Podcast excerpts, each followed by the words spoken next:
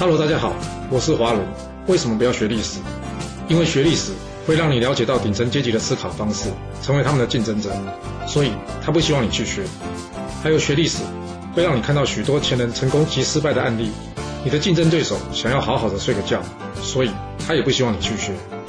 最重要的是，学历史会让你了解人性，你的老板以及同事都希望你保持天真的心，所以他们更不希望你去学。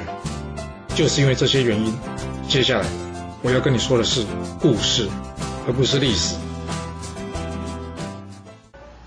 今天的主题是：若是损失无法避免，要如何应对？不管在职场上或是生意场上，是不是常常遇到有些事你无法拒绝，但是若真要去做，又觉得很不舒服？比方啊，跟一个你很讨厌的人合作，又或是老板交代一个烂差事给你，那该怎么办呢？让我们来说个故事给你听吧。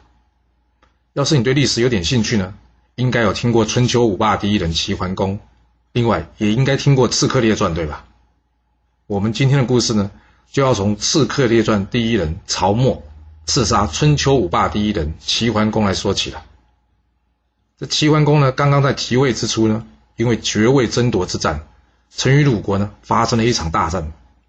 刚刚上任的这齐桓公呢。展现他过人的领导能力啊，在将士用兵之下，成功的击退了鲁国，并且杀了鲁国两员大将，而鲁国国君呢，更是差点在这场战争中战死，还好在大臣曹沫拼死保护之下，才躲过死劫。而曹沫自己呢，最后则是幸运的杀出重围，负伤逃回鲁国。而齐国在打倒了鲁国之后呢，还呢进入鲁国的边境，抢了一些土地。才结束了这场著名的前十大战。后来呢，齐桓公在他著名的宰相管仲的辅佐下呢，打着“尊王攘夷”的口号，借由周天子的名义啊，号召天下诸侯集会。他想借由这个大会呢，来确认齐国是天下霸主的地位。不过，因为齐国跟鲁国之前有过节嘛，鲁国怎么可能乖乖听话呢？所以鲁国决定呢，根本不要理会他盟主的号召，不去参加。之后呢？齐桓公与鲁国没有遵守周天子命令不来开会，所以决定怎么样出兵去教训鲁国。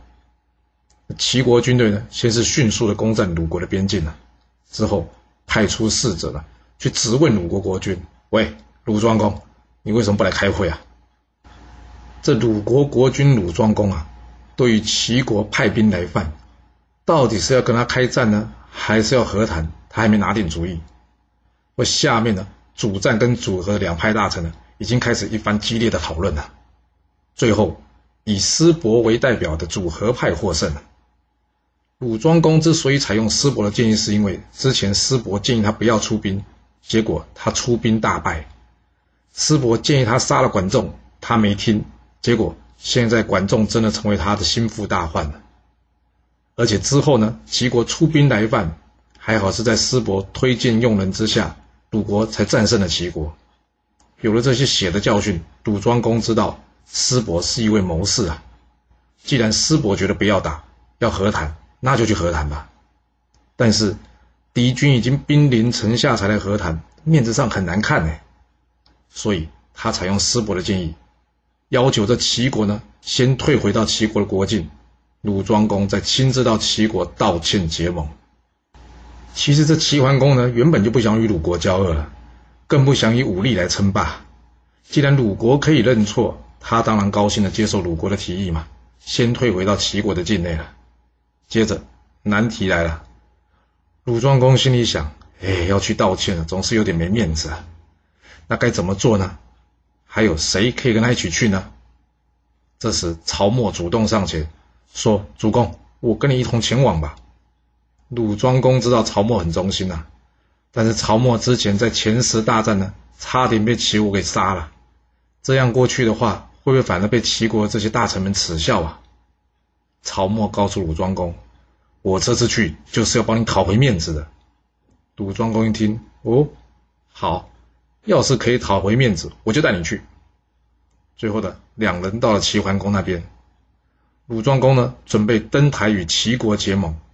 就在这个时候，曹沫突然冲上去抓住了齐桓公，并将手放在剑上，要求齐桓公返还之前前十大战侵占鲁国的领土。齐桓公呢，在管仲的建议下，认为，哎，我们既然要结盟嘛，啊，把过去恩怨放下来吧，我们过去侵占领土就还给你鲁国吧。这鲁国的面子拿回来了，但是齐桓公的面子嘞？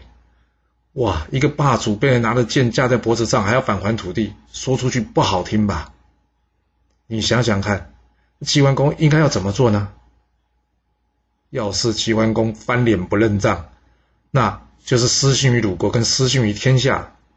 但若是要他硬吞下去，将这领土返回给鲁国，实在是没面子哎！哇，这个问题可真是困扰他了。你能帮他解决吗？想一想，这两件事的结果呢，其实对他的霸主威名都有损害。但是比起返还领土、失信于天下更为严重。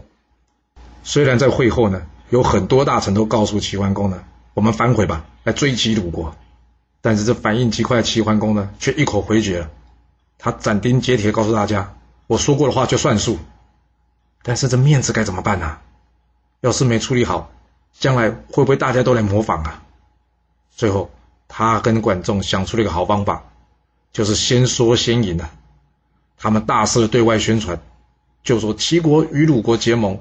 齐国为了表示诚意，还特别归还鲁国土地。其实鲁国呢是最清楚这整件事的来龙去脉跟各种缘故的。不过既然已经面子里子都有了，他就没有必要去戳破齐国的说法嘛。这样两国都得到了让人可以接受的答案嘛。有没有看到？即使是一个霸主，有些事他也是非做不可的。那回头看看我们工作或是生意上。有时候遇到一些事，真的是无法拒绝，然后要去做又很不舒服。就像前面说的，老板交给你烂差事，或是要你跟一个讨厌的人合作，那该怎么办呢？你是要老板千推万请才勉为其难的与对方共事，还是一开始就能判断到这件事拒绝不了？既然拒绝不了，还不如表现出欣然接受的样子。一则老板以及同事会觉得你度量大，另外呢？就是这件事将来没做成，失败的责任也比较不会算在你态度不佳上面。记得，若是无法避免损失，就不要让损失继续扩大。简单的处理方式就是从结果倒回来评估，来判断你当下应该要采取的行动，而不是先行动。比方说拒绝，或是哎呀不甘不愿的答应之后，再来看看将来会发生什么后果。我们可以学学故事中的齐桓公啊，先从结果来看。评估最大的损失是什么？确定了损失之后呢？接着就是想能否从这损失之中呢，再赢回一些什么东西，不要让这损失继续扩大。你说是吧？好了，我们今天先说到这。如果你就是不听我的劝，想知道完整版的故事内容，你可以从说明栏找到我爱故事频道的连结。不过记住哦，你是来听故事的，而不是来学历史的。要是您喜欢这个频道，麻烦您动动您的手指，追踪、留言，或是给我五星评价的支持以及分享。谢谢您来收听，我们下次再见。